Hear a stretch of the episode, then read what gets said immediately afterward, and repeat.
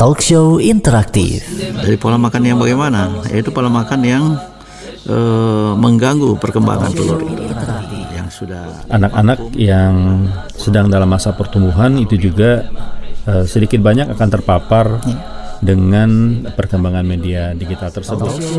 Dalam program acara Talkshow interaktif spesial Dokter Menyapa. Kemudian uh, penyebab utamanya juga karena rokok ya Itu gaya sering hidup. terjadi gaya hidup ya. Talk show, Talk show interaktif. interaktif.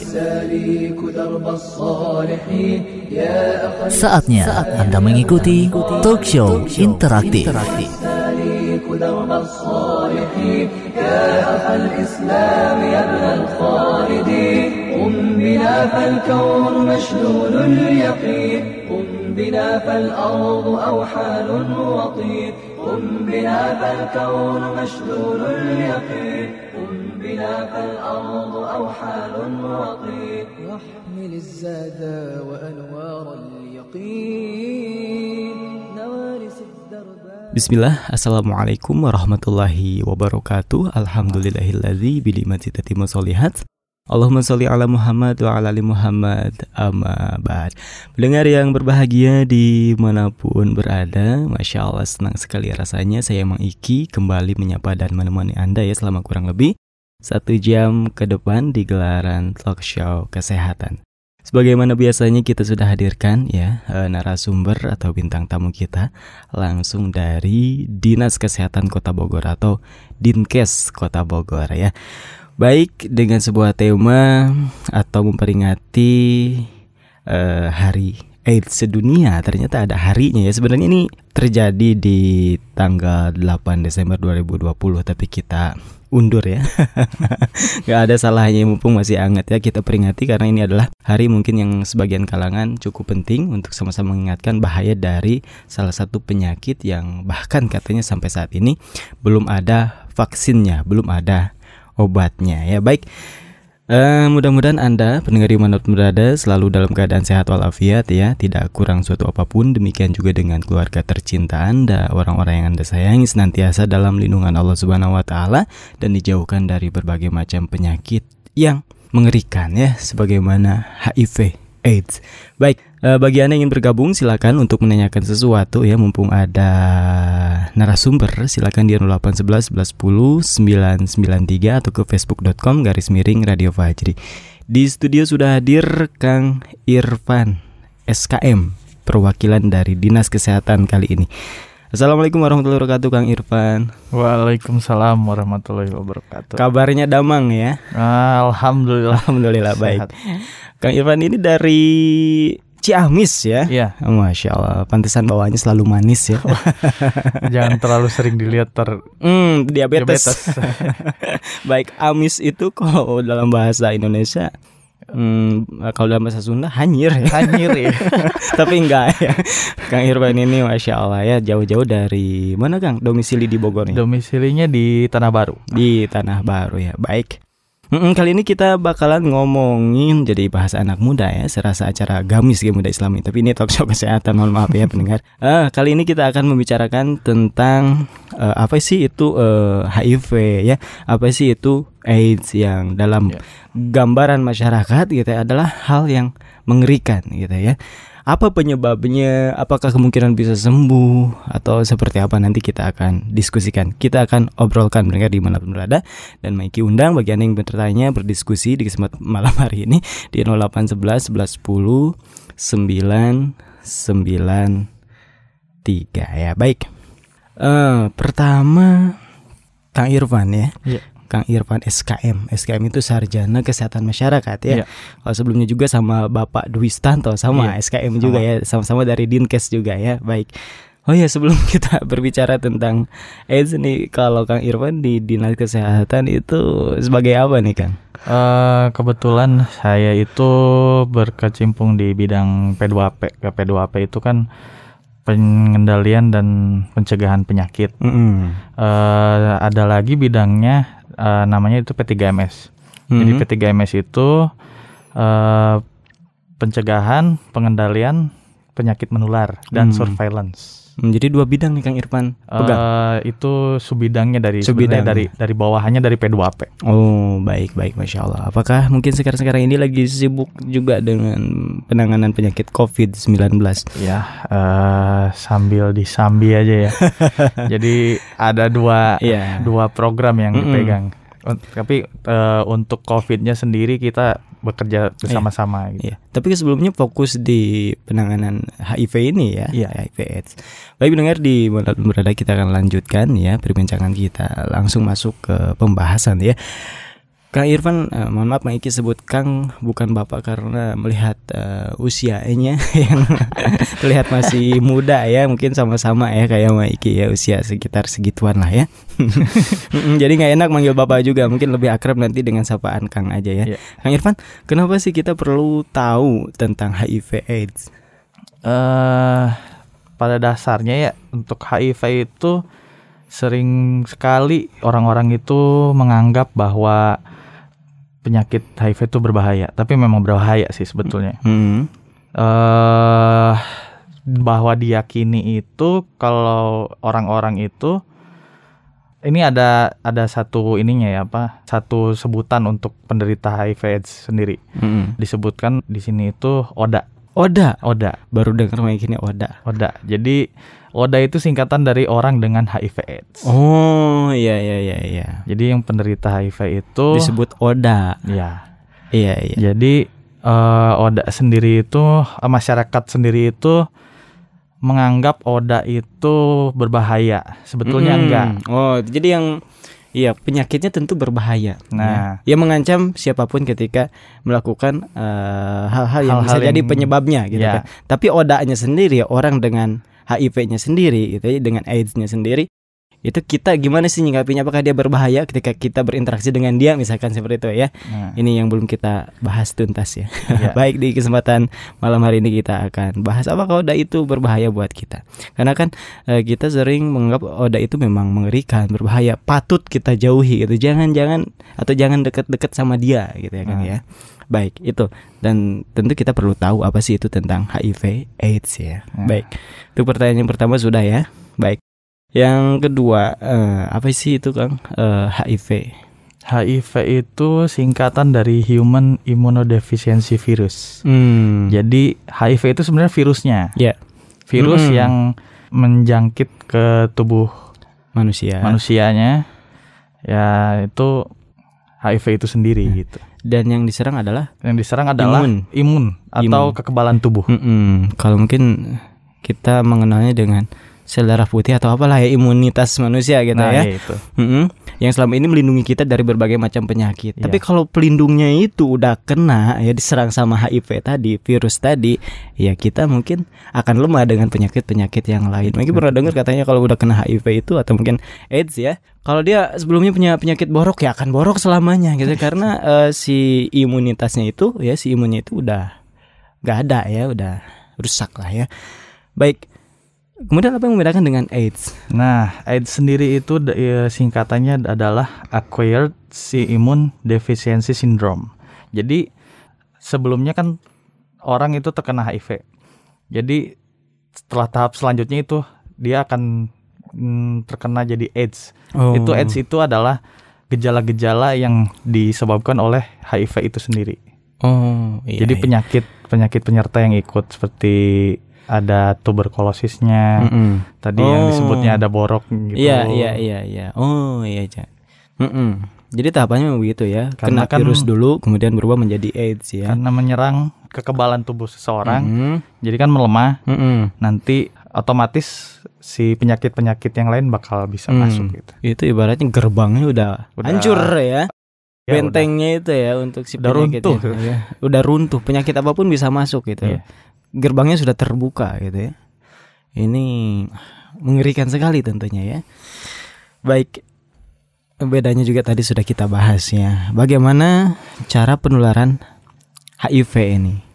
Nah, cara penularan HIV yang pertama itu dari sel darah merah, dari pertukaran darah gitu. Jadi misal Hmm.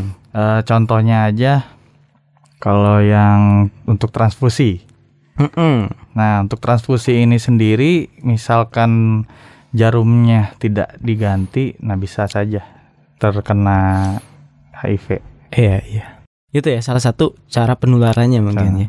Tapi yang paling menjadi potensi besar ya penularan HIV sendiri ya kita tidak boleh menutup-nutupinya ya seperti jajan sembarangan, Nah, jajan hubungan sembarangan, badan. berhubungan badan. Makanya kan itu hal yang paling dilarang dalam Islam ya. Ya. Salah satunya adalah zina ya. Jadi kalau udah zina itu kan bisa sama siapa aja ya. Tapi kalau udah suami istri nggak zina berarti sama itu itu aja gitu ya pasangannya ya.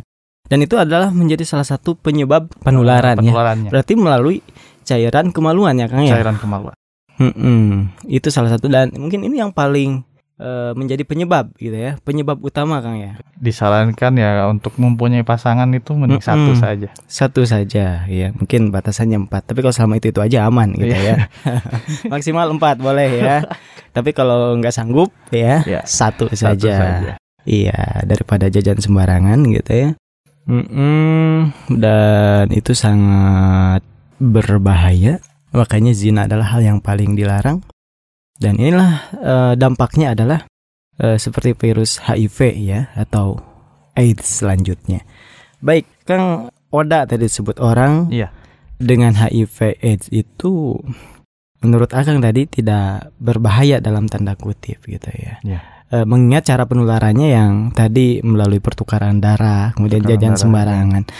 Menurut Kang Irfan eh, batasan interaksi apa yang mungkin kita masih bisa lakukan ketika bergaul dengan Oda tersebut, orang dengan HIV AIDS Oh, tersebut? dengan- Kita harus gimana nih Kang? Ah, Jaga jaraknya gitu. Untuk dengan kita dengan interaksi dengan Oda sebenarnya tidak ada jarak ya. Mm-mm. Seperti kita kan kalau misalkan ada satu rumah, misal ya, Mm-mm. eh, contoh kalau misalkan di rum di lingkungan kita atau di Iya. rumah ada yang terkena HIV, Mm-mm. Sebenarnya untuk melakukan kegiatan sehari-hari seperti menggunakan toilet bersama, Iya. makan bersama, sebenarnya itu nggak nggak terlalu ngefek mungkin ya ya, nggak berbahaya. nggak- terlalu ngefek karena kan tadi yang disebutkan eh, HIV itu sendiri tertular hanya dari cairan darah dan cairan tubuh Ya. yang ada Ya, selama peluang itu tertutup atau pertu- pertukaran darah ya, Iya. Ya mungkin kita aman lah insya Allah ya ketika walaupun berdekatan, bersentuhan hanya nah sebatas bersentuhan, kulit berjabat saja, tangan berjabat tangan boleh-boleh saja. ya, mungkin boleh-boleh saja. eh, kadang kita pinjam pakaiannya dia itu masih ini nah lah itu ya, masih bisa masih bisa ya. Masih bisa Selama tidak melakukan hal-hal tadi yang menjadi penyebab utama ya, Iya. seperti hubungan badan, badan ya sama itu eh, jarum suntik jarum ya suntik ya. jarum suntik yang sangat berpotensi Eh, apalagi ya ini karena jarum suntiknya tidak steril gitu ya bekas dia kemudian kita pakai pakai itu lagi. sangat sangat mungkin Itu. walaupun itu sendiri jarang terjadi kasusnya tapi sangat berpeluang ya berpindahnya virus HIV ke dalam tubuh yang eh, ditularkannya tersebut ya Baik pendengar di mana pun berada silakan bagi Anda yang bertanya di kesempatan malam hari ini di 0811 1110 993 ya. Anda bisa melalui WhatsApp, Telegram juga SMS. Selanjutnya Kang Irwan ya, gimana sih kerja HIV ya? Kerjaannya apa? kerjanya Apa- Nggak mungkin dia nganggur ya. iya Nggak mungkin dia nganggur ya. Nggak tahu jasanya apa gitu.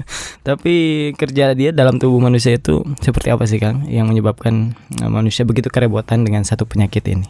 Eh, sebenarnya sih awal mula dia terkena terkena HIV sebetulnya dia itu kondisi badannya tuh sehat jadi Hmm. belum ti- jadi HIV itu sendiri awal mulanya tidak langsung menimbulkan maksudnya memperlihatkan gejala, Gejala ya. jadi masih sehat-sehat saja itu Mm-mm. orang Iya. Eh, baru terkena HIV akan baru terasa 5 sampai 10 tahun jadi itu ada masa Oh. fasenya Tapi kalau kita cek misalkan ya untuk memastikan di dalam kita ada virusnya atau enggak walaupun belum terlihat gejalanya itu bisa kelihatan ketika kita cek di lab mungkin di Jadi memang bisa sebenarnya. Bisa, Jadi ya. ada ada kita di kalau di puskesmas atau di layanan hmm, ada namanya untuk tes HIV sendiri itu Hmm. bisa ya bisa. nggak nunggu gejalanya. Nggak nunggu Tapi jalan. ketika anda sadar gitu ya, Iya. seseorang sadar telah melakukan apa yang menjadi penyebab HIV tersebut ya. Hmm, seperti menggunakan jarum suntik sembarangan atau jajan sembarangan Iya. gitu ya. Baik, selanjutnya apakah pengguna narkoba suntik ya bersiko tertular HIV. Tadi kalau jarum suntikannya sudah kita bahas ya. Ya. Tapi pengguna narkoba biasanya kan eh dia tuh join, Join, ya, ya. ganti-gantian gitu ya. menggunakan jarum suntik nah itu dia jadi kan eh untuk pengguna narkoba sendiri di kota Bogor ini juga kan sempat booming juga Hmm. Pada tahun 2006 Iya.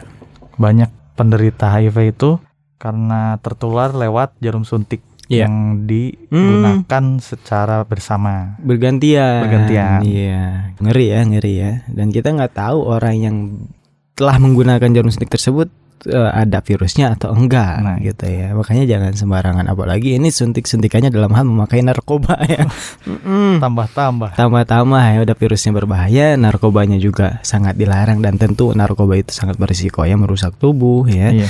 oleh negara dilarang, oleh agama diharamkan ya. Baik pendengar di mana pun berada eh, masih banyak sih unek-unek ya atau ganjalan dalam hati yang Maiki harus tanyakan ke narasumber kita ya Kang Irfan ya di kesempatan malam hari ini. Namun nampaknya kita akan rehat terlebih dahulu tidak dipindah frekuensi karena setelah yang berikut ini kami akan segera kembali. Pasien positif terinfeksi virus corona atau COVID-19 kembali bertambah. Ya Allah, penyebaran virus corona semakin parah ya. Iya, dari hari ke hari udah semakin mengkhawatirkan. Kok bisa cepat gitu sih penularannya? Jadi gini nih, virus corona ini kan menular dari orang ke orang ya. Karena kontak fisik langsung, bisa juga dari cipratan atau napas dari orang yang sedang bersin atau batuk. Nah, cipratan itu mendarat di benda atau permukaan yang disentuh oleh orang lain. Lalu orang sehat ini menyentuh mata, hidung, atau mulut mereka. Oh gitu. Iya, virus corona ini juga bisa menyebar ketika cipratan kecil itu dihirup oleh orang yang sehat ketika berdekatan dengan orang yang terinfeksi corona. Wah, bahaya juga ya. Jelas bahaya, tapi tenang, jangan panik. Virus corona ini bisa dihindari dengan cara yang sederhana dan mudah. Gimana caranya? Caranya, biasakan cuci tangan secara teratur dengan sabun dan air mengalir. Kemudian juga jangan lupa memakai masker wajah jika memang harus bepergian ke tempat ramai. Menutup hidung dan mulut ketika batuk atau bersin. Memasak daging atau telur sampai benar-benar matang. Hindari juga kerumunan atau tempat umum. Kurangi juga bepergian tanpa kebutuhan mendesak. Dan jaga jarak dari orang yang sedang mengalami flu, batuk, dan demam. Oh gitu ya. Iya, dengan melakukan hal-hal tadi, insya Allah kemungkinan kita terkena virus corona menjadi kecil. Jadi, panik bukanlah solusi untuk melawan virus corona. Lebih baik kita waspada dan bijaksana dengan mengikuti anjuran dari dokter ahli dan Kementerian Kesehatan. Mari selalu jaga kesehatan diri dan lingkungan untuk mencegah penularan virus corona.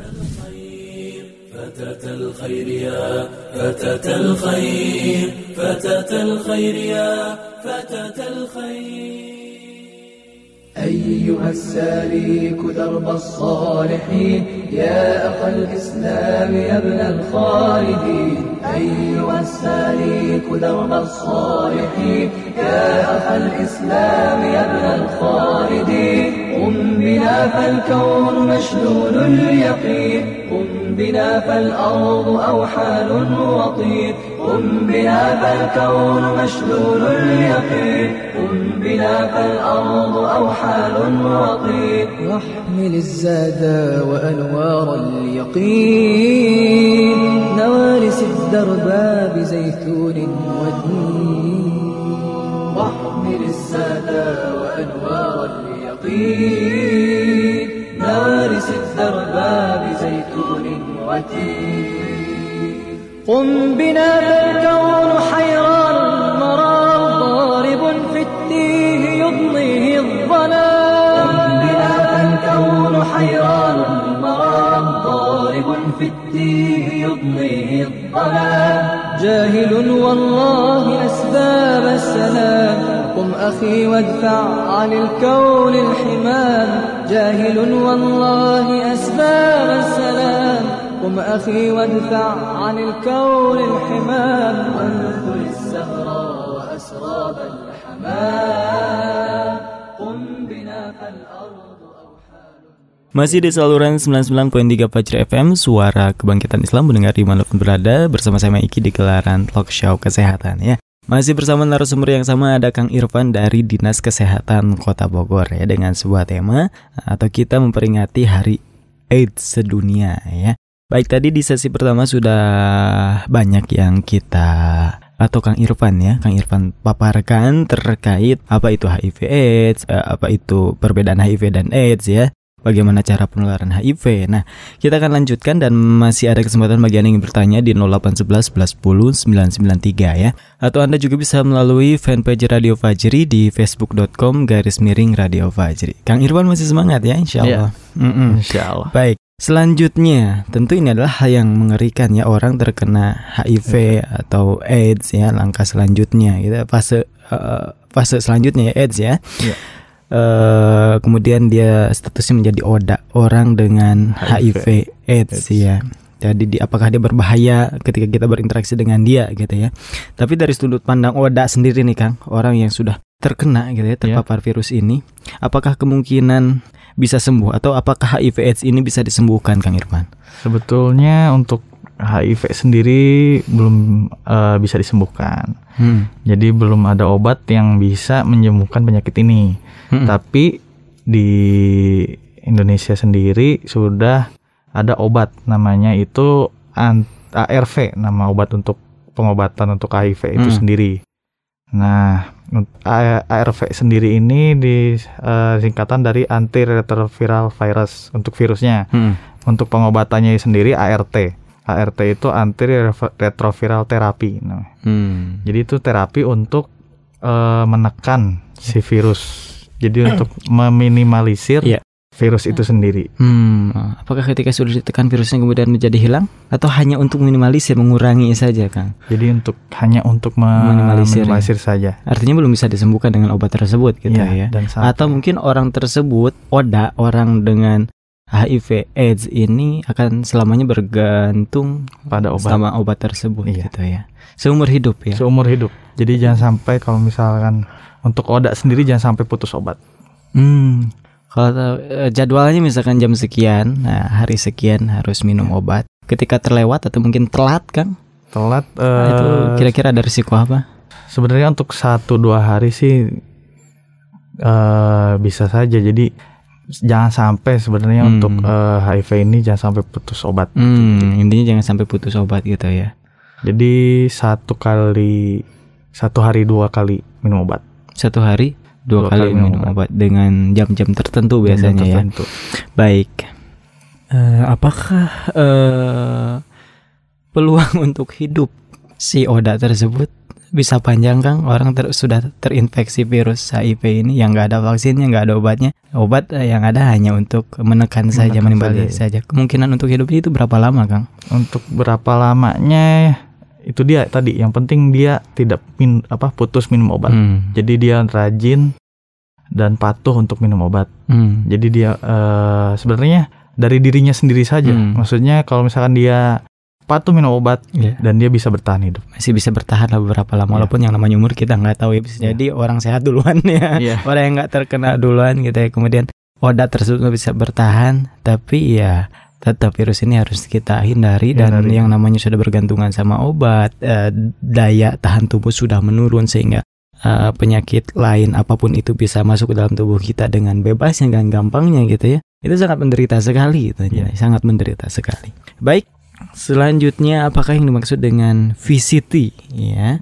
Nah, apa kang? Untuk VCT sendiri itu istilah untuk tes HIV-nya sendiri. Hmm uh, eh, VCT itu atau dengan nama lain counseling test namanya. Oh, counseling test ya. Ya. Hmm. Jadi di situ eh, orang-orang misal yang ingin mengetahui status HIV atau ingin uh, tahu saja gimana mm -hmm. kesehatannya tentang HIV mm -hmm. bisa untuk dites itu. Hmm. Iya iya iya.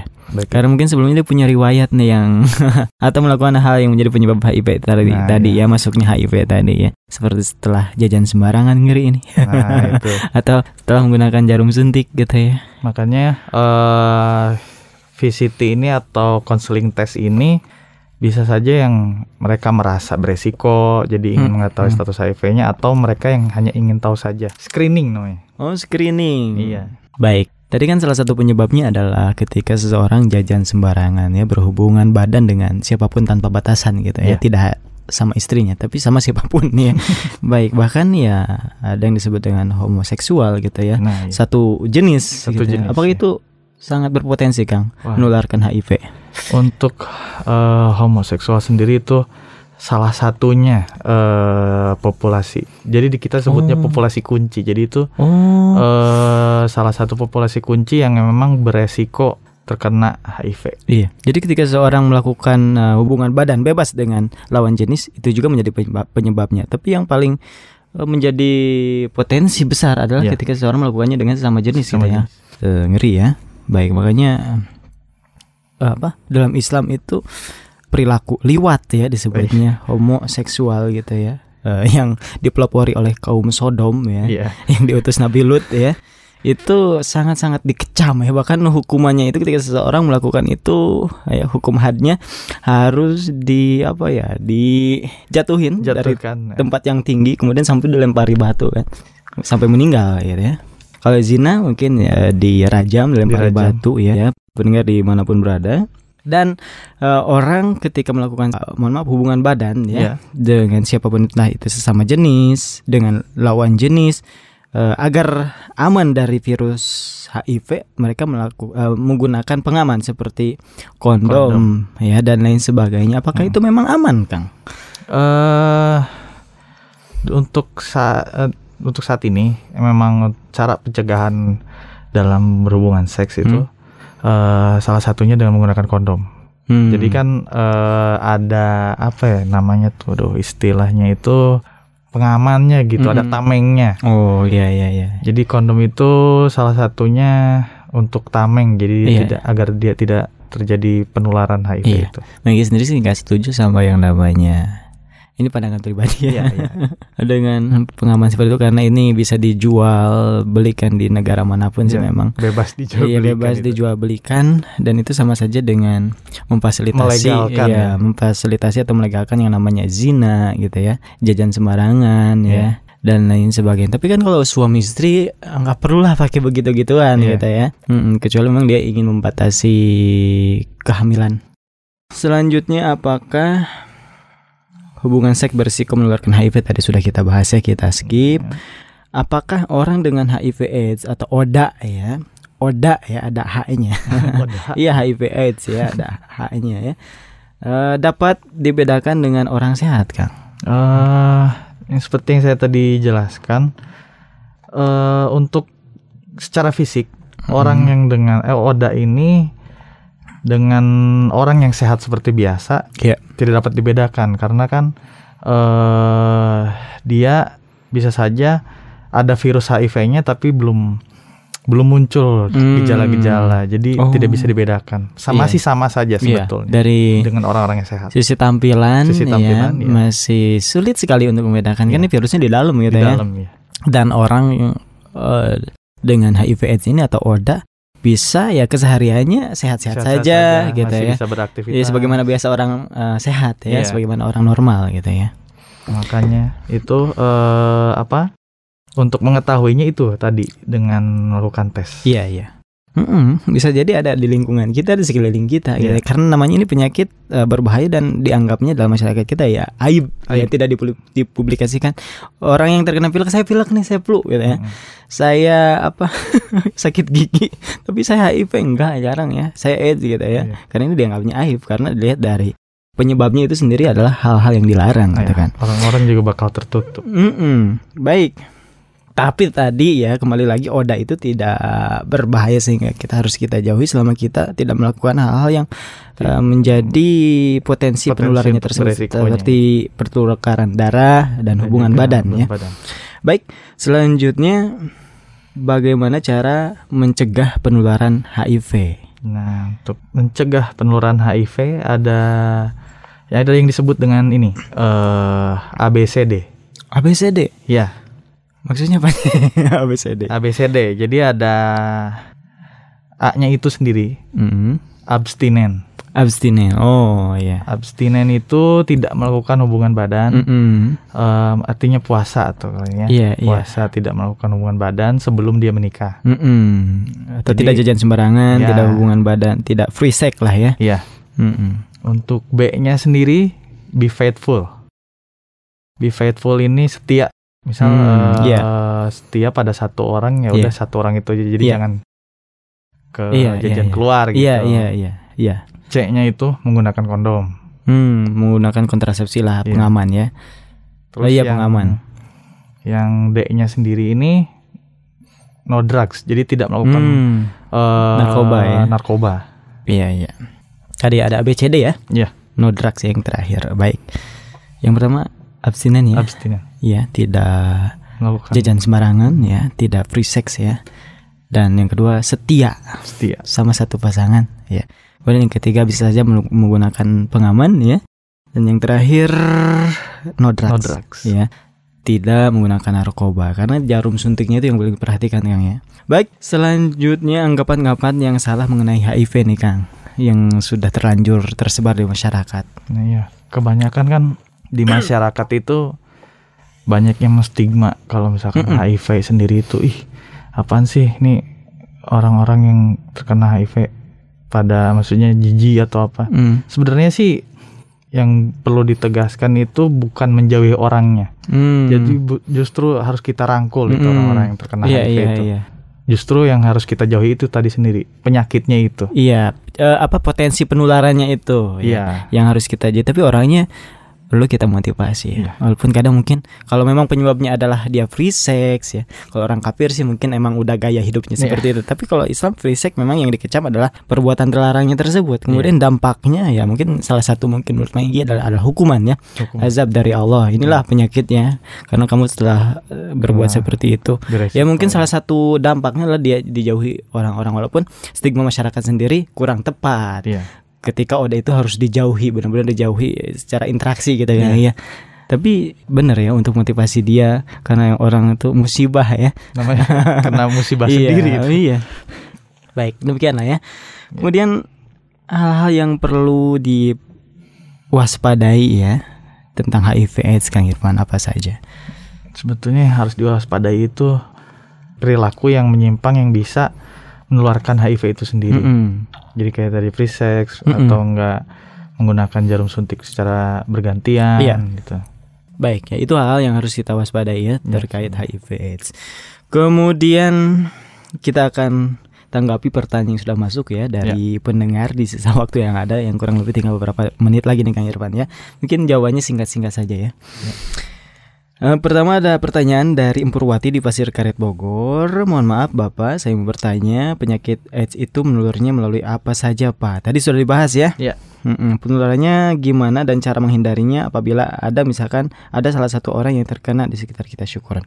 Mungkin ini sudah ya. Sudah. Sudah panjang lebar tadi kita bahas. eh, kalau butuh jawaban lagi eh, silakan bisa disimak di podcast Radio Fajr FM ya. Salah satunya ada di Spotify dan lain sebagainya atau di facebook.com garis miring Radio Fajr. Selanjutnya ada dari Asma dari Depok ya. Saya mau tanya apakah yang membuat penyakit AIDS tidak dapat disembuhkan? Tidak dapat disembuhkan. Mm-mm, apa yang membuat penyakit AIDS ini ya, eh, tidak dapat disembuhkan? Karena kan HIV AIDS itu kan menyerang Mm-mm. sistem kekebalan tubuh. Iya. Jadi yang tadi saya sebutkan juga memang di kita daerah Hmm. kita sendiri Hmm. kan belum menemukan obat yang Iya. memang bisa untuk menyembuhkan Iya. HIV. Itu sih ya intinya, karena Intinya. belum ditemukan obat obatnya. seperti eh, influenza, atau Influenza. flu. Flu ini kalau nggak ada obatnya berarti nggak sembuh sembuh dia. sembuh, iya. atau mungkin sembuh sendirinya. Atau mungkin karena ini Kang, menurut saya ya. Iya. Mangga, mangga. Karena yang diserang adalah imunitas, Imunitas. imun kekebalan tubuh manusia. Iya. Kalau itu udah mati, karena yang menyembuhkan penyakit manusia adalah imun sendiri Imun kan, sendiri. walaupun tanpa obat. Iya. Imunitasnya se- eh, apa aktif gitu, Hmm. ya, penyakit apa pun sembuh sendirinya bahkan. Iya. ya. Tapi karena ini bentengnya udah Bentengnya udah rapuh ya. Iya, bentengnya udah rapuh, bahkan udah ambruk Udah ya, bukan ambruk, iya. rapuh. iya, Kang Irwan ada tambahan nih terkait pertanyaan yang ini. Atau clear, sudah clear dengan jawaban kita tadi. Sebetulnya memang memang sudah ini sudah Iya. clear karena Iya. Sampai saat ini pun belum ditemukan yang obat yang bisa menyembuhkan Mm-mm, vaksinnya ya. Ya gimana dak? Susah ya Iya. kalau dipikir secara logika juga ini yang diserang adalah imun. imun. Mm-mm. Selanjutnya, ini adalah pertanyaan terakhir di kesempatan malam hari ini, Kang Irfan ya. Ya. Ada Putra di Ciawi. Bagaimana sikap kita dengan orang-orang yang positif HIV/AIDS? Apakah masih boleh berinteraksi secara langsung dengan mereka? Adakah risiko penularan jika berkaitan dengan orang yang positif HIV/AIDS? Terima kasih. Ini sebenarnya sudah kita bahas Sudah tadi ya, dibahas, sudah ya. kita singgung. Tapi Kang Irfan boleh kalau ada tambahan. Sekaligus eh, closing statement juga atau kesimpulan ya. Sebelum kita tutup eh, talk show kali ini. Untuk cara agar sikap kita menghadapi dengan orang yang positif HIV/AIDS itu sebenarnya tadi itu em, kita harus merangkul, memberikan motivasi, terus setidaknya kalau misalkan ada di lingkungan kita yang terkena HIV Hmm? harus kita ini apa tetap kita temani jangan Iya. jauhi gitu Iya. karena kan di sini saya tegaskan eh, untuk tidak menjauhi orangnya tapi jauhi penyakitnya Iya. Jauhi potensi penularannya Iya. ya, penyakitnya ya. Baik. Cukup, Kang? Ya. Baik, Masya Allah Demikian belum di mana pun berada Eh, terutama ya atau pertama iki haturkan jaza kalau khair Kang Irfan Masya Allah sudah meluangkan waktu eh, ya da- jauh-jauh nih dari eh, langsung dari kantor Dinkes atau da- iya langsung ya eh, ke Radio Fajri gitu ya mudah-mudahan selama perjalanan juga dihitung pahala oleh Allah Subhanahu Wa Taala. Terima kasih, syukron atas informasi-informasi, atas sharing yang sangat berharga di kesempatan pagi hari ini. Mudah-mudahan jadi acuan kita untuk beramal, ya, melakukan ketaatan kepada Allah Subhanahu Wa Taala dan ikhtiar semaksimal mungkin dalam rangka menjaga kesehatan kita yang sudah Allah berikan kepada kita, ya. Ya. Ini adalah nikmat yang luar biasa. Juga pendengar kami haturkan jazakumullah khair kepada anda yang sudah bergabung, ya, bertanya. Dan bagi anda yang hanya menyimak saja, barakallahu fikum jami'an. Sampai di sini, ya, perjumpaan kita. Eh, Maiki pamit undur diri juga mewakili kru yang bertugas. Ya mohon maaf atas segala kekeliruan. Sampai berjumpa di acara-acara menarik lainnya. Radio Fajr FM Suara Kebangkitan Islam. Subhanakallahumma wa bihamdika asyhadu alla ilaha illa anta astaghfiruka wa atubu ilaik. Wassalamualaikum warahmatullahi wabarakatuh. Baru saja Anda menyimak talk show. Terima kasih atas partisipasi dan kebersamaan Anda. Anda. الإسلام يا ابن الخالدين قم بنا فالكون مشلول اليقين قم بنا فالأرض أوحال وطين قم بنا فالكون مشلول اليقين قم بنا فالأرض أوحال وطين واحمل الزاد وأنوار اليقين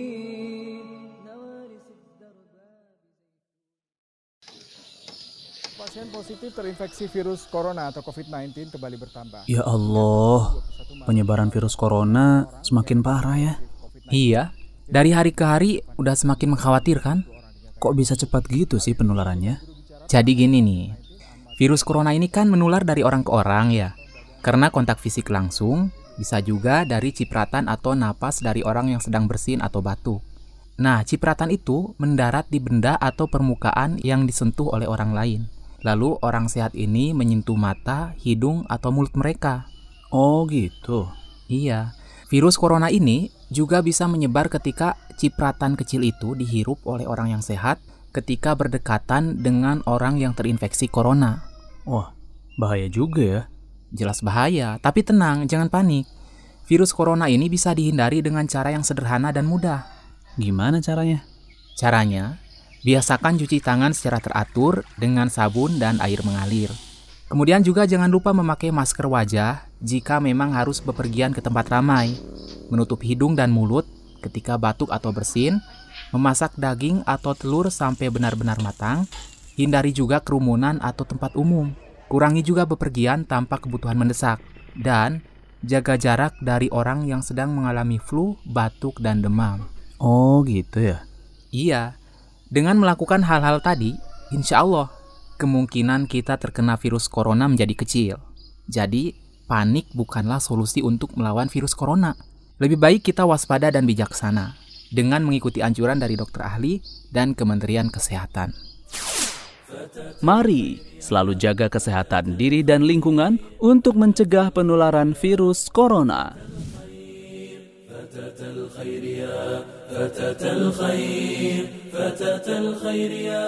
فتاة الخير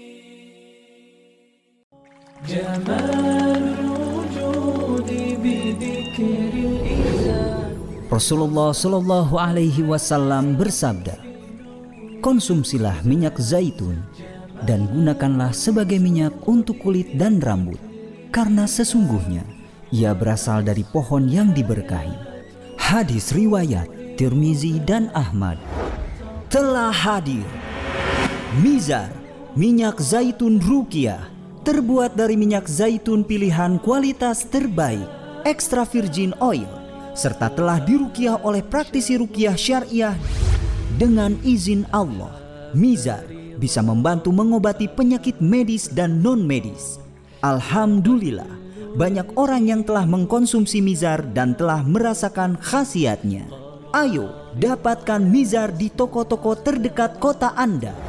Atau Anda juga bisa menghubungi kami di telepon atau WA 0812 1970 5220 0812 1970 5220 atau kunjungi website kami di www.minyakzaitunrukiah.com. Tunggu apa lagi? Segera dapatkan Mizar dan sekarang giliran Anda merasakan khasiatnya. Mizar, solusi sehat Islami.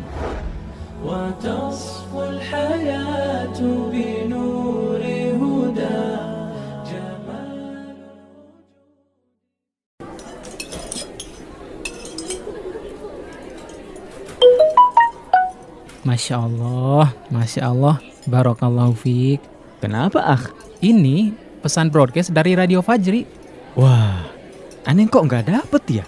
Padahal Aneh pendengar setia juga nih. Udah daftar belum? Lebih dekat dengan Radio Fajri, belajar Islam jadi lebih mudah. Daftarkan diri Anda, update informasi seputar keislaman dan dapatkan nasihat, gambar, dan video islami dari Radio Fajri. Serta jadilah agen penebar hidayah. Ketik nama, tanda pagar, kecamatan, tanda pagar kota domisili, dan kirim melalui WhatsApp ke nomor 0811 1110 993 0811 1110 993 Wah, kudu langsung daftar nih. Iyalah, daftar buruan. Dan jangan lupa ah, pakai WhatsApp ya, bukan pakai SMS.